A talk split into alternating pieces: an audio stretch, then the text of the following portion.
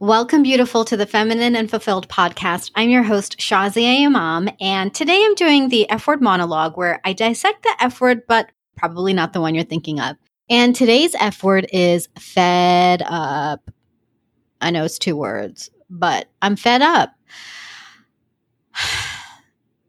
I'm so fed up that I've literally been speechless. I've been speechless in so many ways. And it's really hard for me to articulate what it is that I really want to share. I have a platform, I have a voice, and more than anything, I know now that there is no more time to be silent. There's no more time to be complacent. And it's been time. And it took me a while actually to get here. And I'm not proud to say that, but it's true. And even as I'm sharing today, I keep on starting the episode again. I like to free flow. But I find myself really getting caught up in, am I doing this right or wrong? And finding that I'm so in judgment of how I'm going to do this that I'm doing exactly the opposite of what I know that I'm supposed to do now, which is to use my platform, to use my voice, to really share, to share with you and to share with others that may hear this only from me. Sometimes I assume people are hearing things from everywhere, and then I realize, no, that's not true at all. Just in the past week, I have had conversations with at least four people who were completely, completely, I don't want to say ignorant because they thought they were well meaning, but oh gosh, did they not know? Did they not know? And we had to have some really tough conversations about what it means to have white privilege, what it means to be in a place where saying that I don't see color doesn't work. You know, some of the like really basic conversations. And what I found is that I thought that people don't change. There was a part of me that thinks people don't change and we're just talking in silos because beautiful. I already know that your hashtag Black Lives Matter. I already know that. Like, we don't even have to have this conversation about, you know, what's the difference. And so I'm not going to spend today's episode on that. What I want to really share today is that your voice matters and the impact of you speaking up. So going back to these four people, what I found is that in the initial conversations with each of them, I could have absolutely been like, oh God, they just don't get it. Forget about it. It's not worth it and carried on. But we were both willing to stay and have the difficult conversation. And what really, really supported the conversation was having allies was having white allies. And those people, each of them has gone on to become a voice in their communities. And I'm talking about a leadership program that I'm a part of. So these are people who have a really large and vast audience and impact. And so what I learned in this past week, and I hope by now that you know that this episode is being fed up about what is country, what is happening in the United States, in this country that I live in, around systemic racism. And I'm going to talk more about it. But going back to what I was sharing, what really heartened me, not disheartened, but heartened me, is knowing that people can change. And it's not to say that somebody is bad, it's not to make somebody wrong. But let's be honest, it is time for people to wake up and we get to be a part of that. And that's a conversation that I want to have with you today. I want to talk about where and how you can use your voice. And I also, I really want to share with you too why it's really important that you take care of yourself first and foremost right now. I know that's probably not what you were expecting, but I hope you were because this is what I do in coaching. There is a balance between doing all the things and going out there and making sure also at the same time that you are taking care of you. Because if you're not taking care of you, you won't be able to do anything. If you've been following me for some time, you'll know that I'll talk about how there are a lot of martyrs, a lot of martyrs, especially when I think about our auntie community. For anyone who's known any immigrant auntie in the US, I think about Desi, South Asian in particular. There's this feeling of like, oh, I just do all this stuff and I don't take care of me. And at the end of my life, I'm just like, what was my life for? Was it worth living? no, that story, I'm always going to be like, no, no, no, no.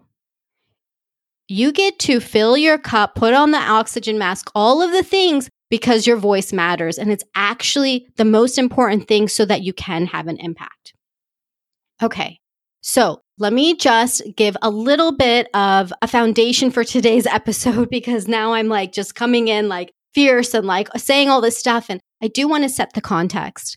So I am talking about what has happened in this past week with the murder of George Floyd and also what happened in the New York park with Amy Cooper and Christian Cooper. These two events back to back, along with what we've experienced being in the quarantine, being at home, was really, as Trevor Noah called it, the domino effect where we're at today. And I'm so grateful for that. I'm grateful for that because right now, as I record this, there are protests happening in every single state of the United States. That is 50 states, tens of thousands of people in every single state protesting. It is impacting change radically, quickly, and this is the power of using your voice. This is the power of the collective voice. So today I'm going to talk about you as an individual and then also as the collective,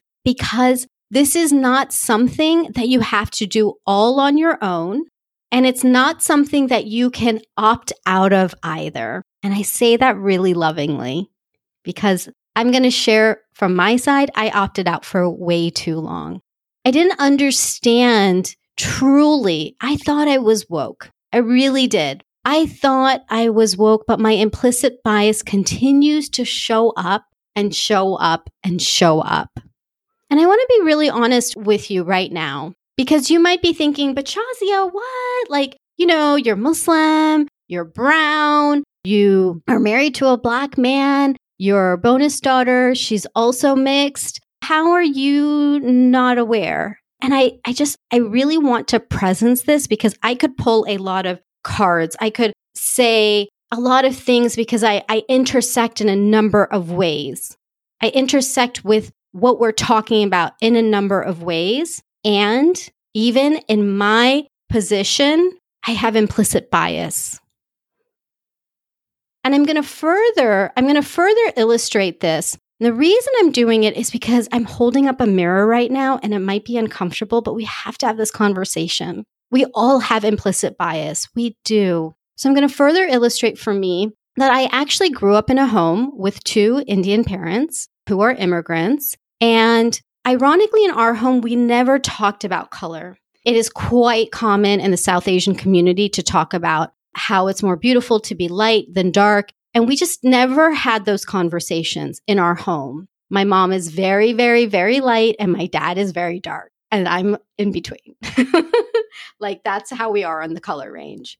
But I came from a very progressive household where my father literally would talk to anybody on the street. There's this one black woman in our community, and every time she sees me, she tells me the same story. She's older now. She tells me the same story. And she always says, Your father saw us, I think it was at the bus station. They were waiting for a bus. This was back in like 1989. And he saw us and he stopped and he said, How can I help you? And this is my dad. My dad like loves to help everybody. And she said that my dad basically gave them a ride, showed them the masjid or the mosque, and introduced them to the community that now they've been a part and parcel of for the last 30 plus years. And every time she tells me that story, I feel really, really proud of my dad. I really do, because my dad genuinely is the only person I think can say that I don't see color, but he actually means it in that he doesn't care if you're black, brown, white, of any abilities. I want to share one other beautiful thing about my dad because it's really heartwarming. Like this is the, like the family that I come from. I remember we were at this wedding once and there was a procession. It was my cousin's wedding, and they had the family procession coming in. And my cousin, her husband, he has a brother who has Down syndrome. And in the South Asian community, people don't are not good either with people with different abilities and special needs. And I remember they were walking in, and his brother was walking in the procession. And I think he started to get lost a little bit. He started walking away a bit. And I remember my dad stood up and, like, gently just showed him to go the correct way. And I remember thinking, like, that's my dad. That's my dad. In this whole, like, in the 500 people in this room, my dad got up to say and show him the way because he just, my dad cares for people. He is a die hard caring for people person. The reason I'm illustrating this to you is because I grew up in a household where there weren't actually conversations that could have led me to have implicit bias. And here's the truth I had it. I had it so bad that when I was 21 years old, I had a beautiful friend. Her name is Zora. If you haven't already heard her episode, she's fantastic. She called me out on something really ignorant I said, and it was ignorant. It was really ignorant. And she really opened up my eyes to the reality of the plight of the Black community, not just here in the US, but all over the world, people who are disenfranchised. And we kind of laugh about it now because I've gone on to say a lot of things, and so is she. And we're both doing the things, and we laugh because she's always like, we both married Tonys, and she ended up marrying the white one, and I married the black one. And so it's just this running joke because the way when we first met, there was like, I was so ignorant. There was no possibility at that time that I probably would have married somebody black. And I'm being just honest right now with you because it's important for me to share this even though it's shameful, I want to share this because bias doesn't miss us.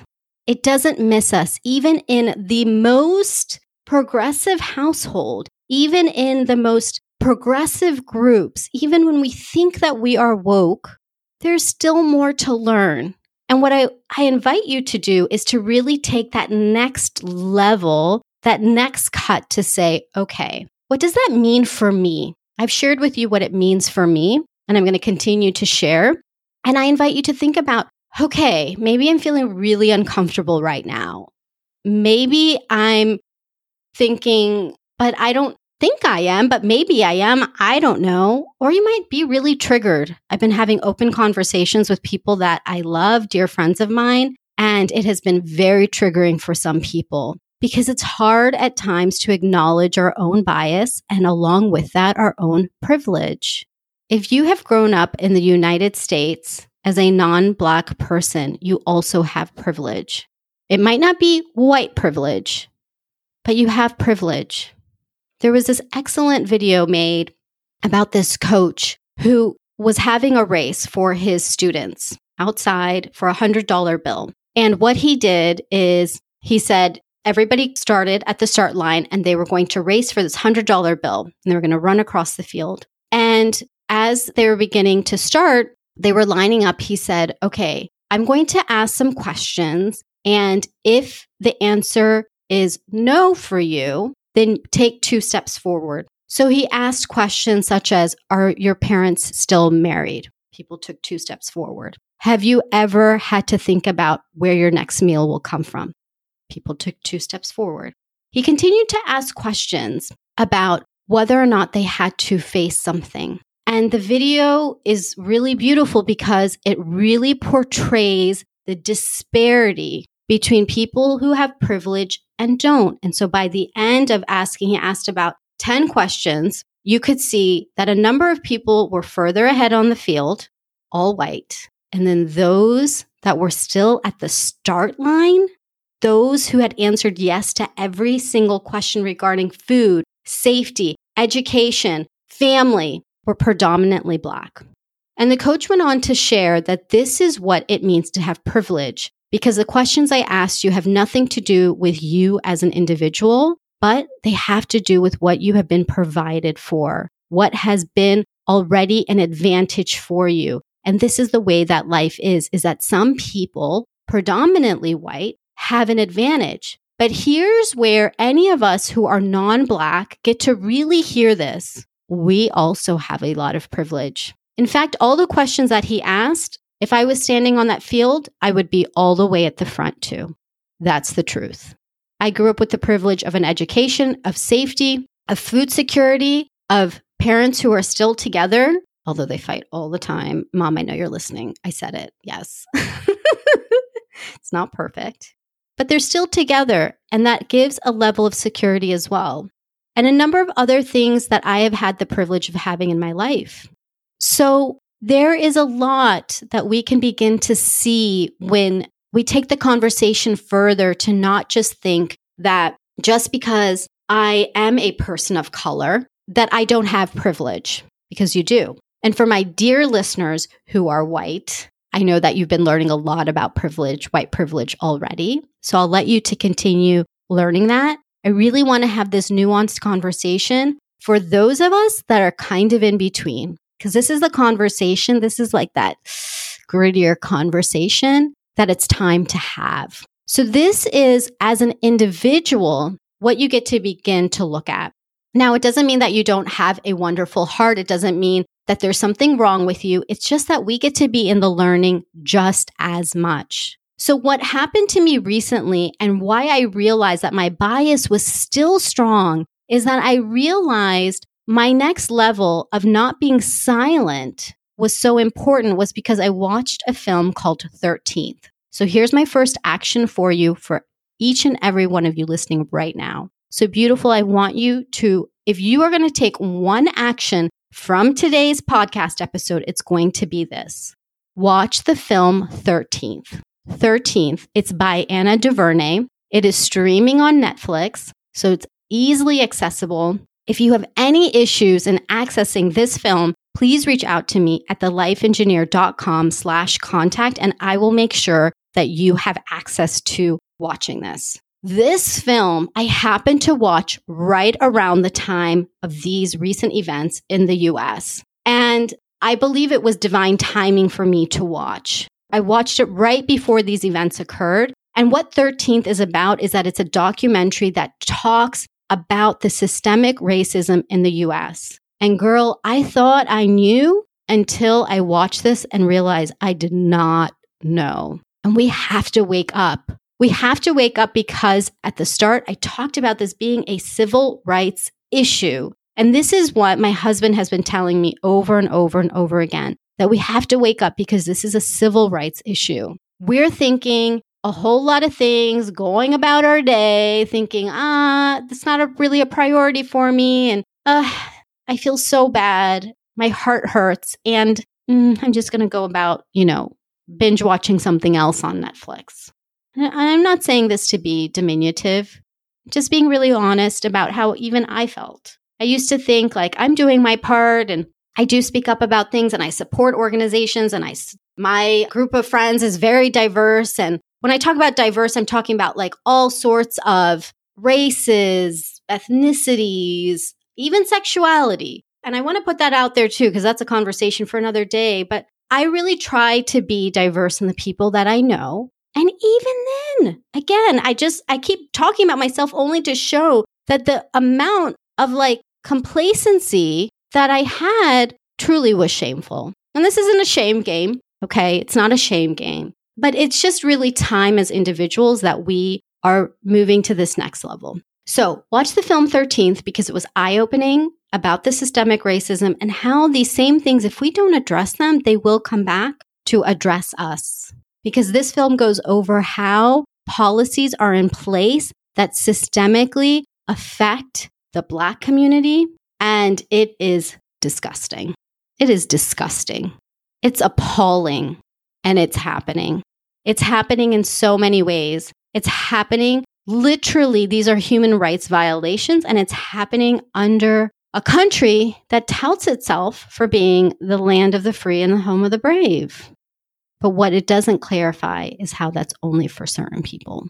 So watch the film 13th, host a watch party with your friends, even your friends who might be really woke too. Like we get to really continue to learn. We get to really see. So that's my number one action. I'm going to have a number of resources too that I put on the show notes at thelifeengineer.com slash podcast slash fed F-E-D up UP.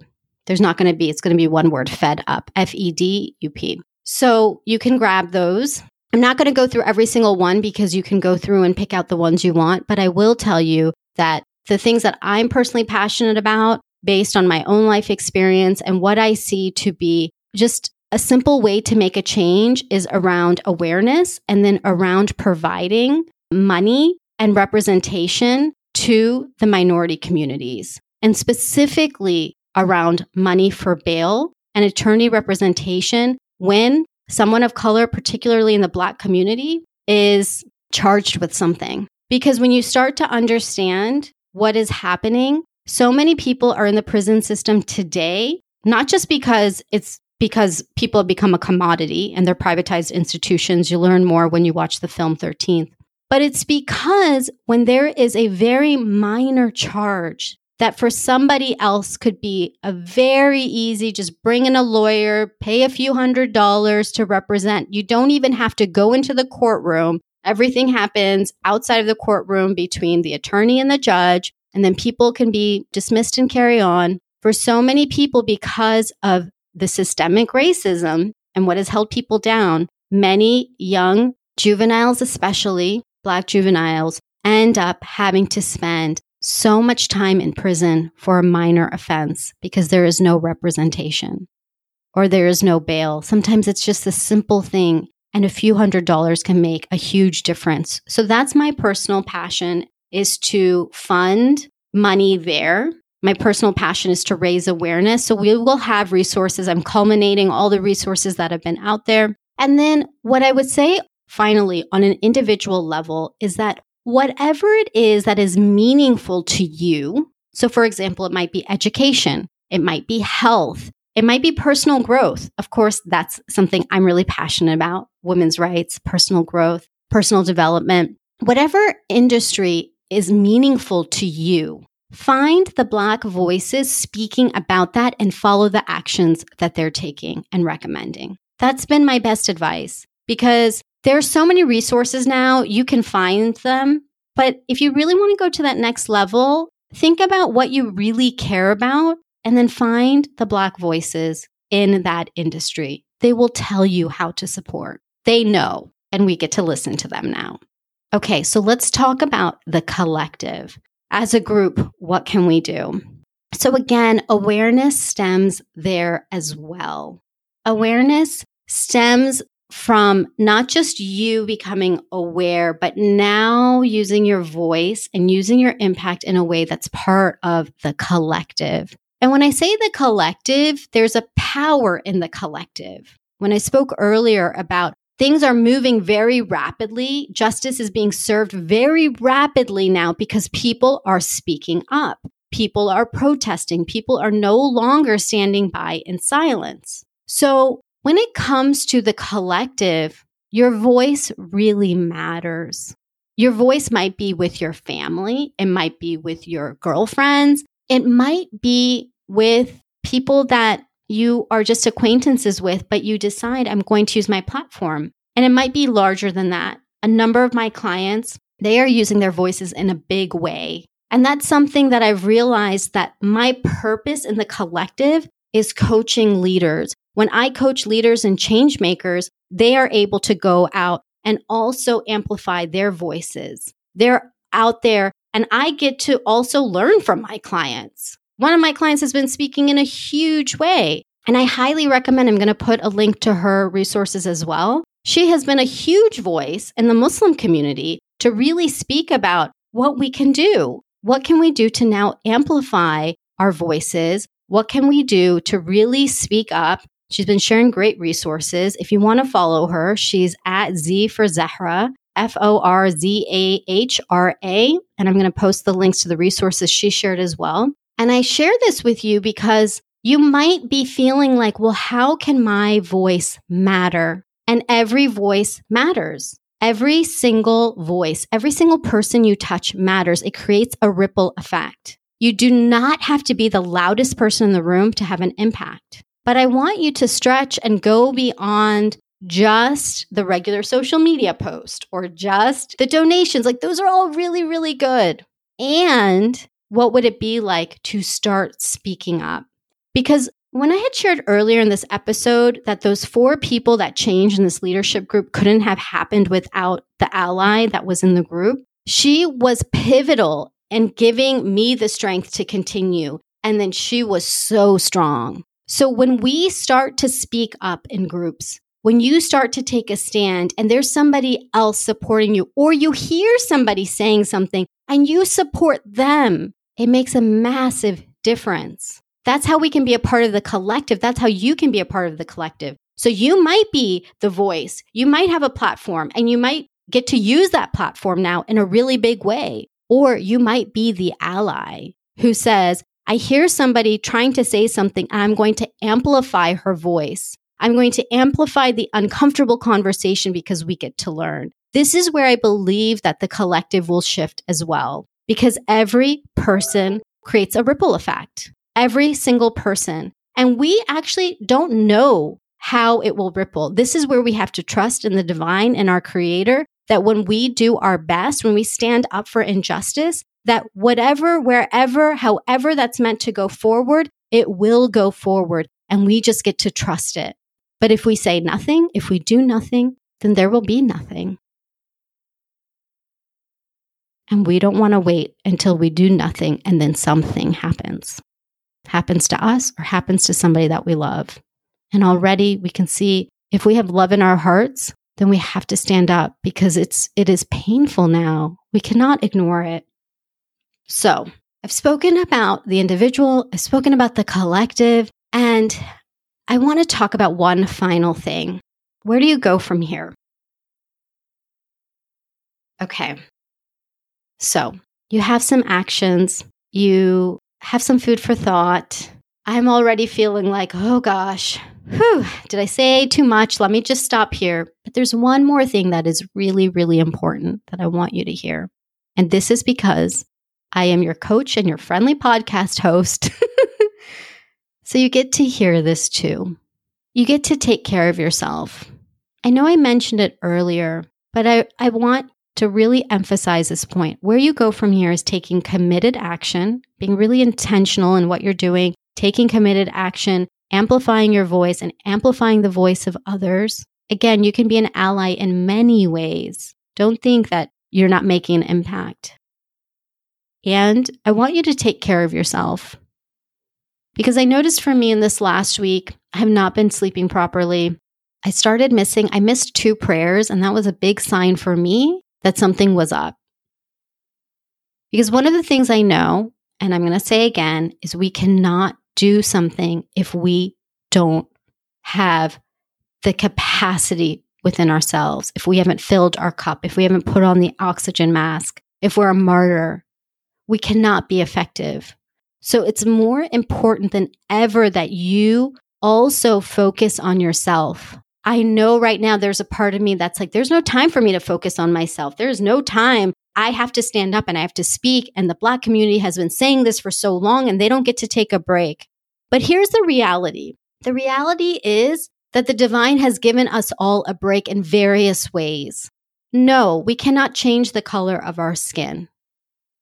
And the divine also provides reprieve, even in the hardest of times. Even in the worst of times, there's still always a reprieve for each person.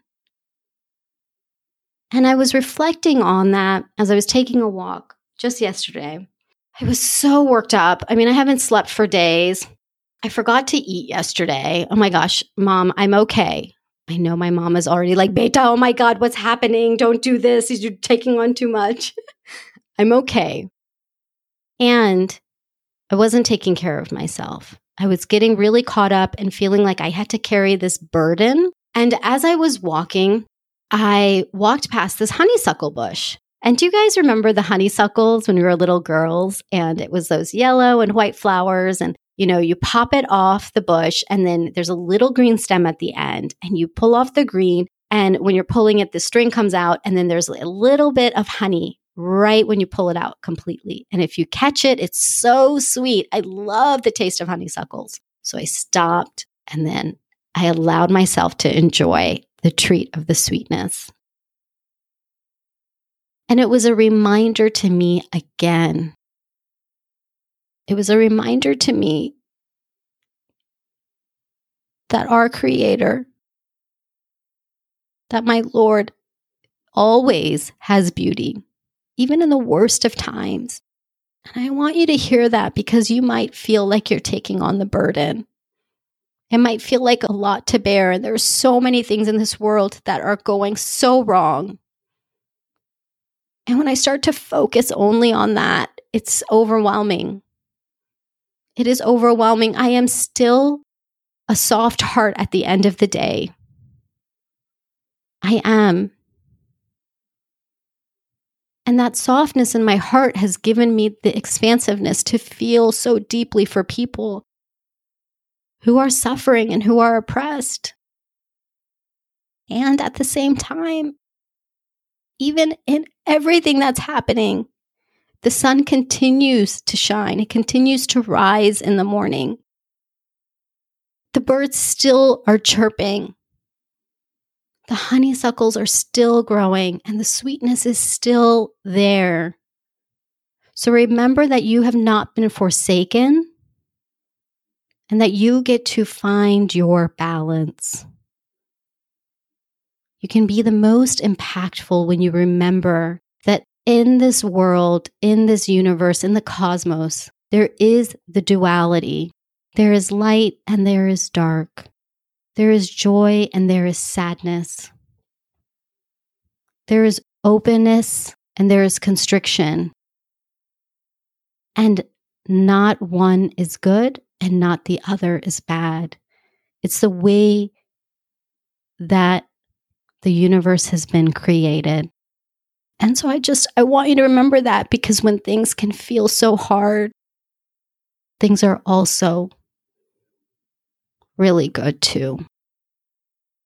And I really pray for each and every one of you listening right now that you take what you needed to get from today's episode and that you make the impact that you're meant to in this world and that we continue to rise together. We continue to make a difference. And I'm committed, I'm committed to continue to speak up and to use my platform to elevate your voice, to elevate the voices of the voiceless, and to make the difference that we're meant to in this world. So until next time, beautiful Lilas, love you like a sister.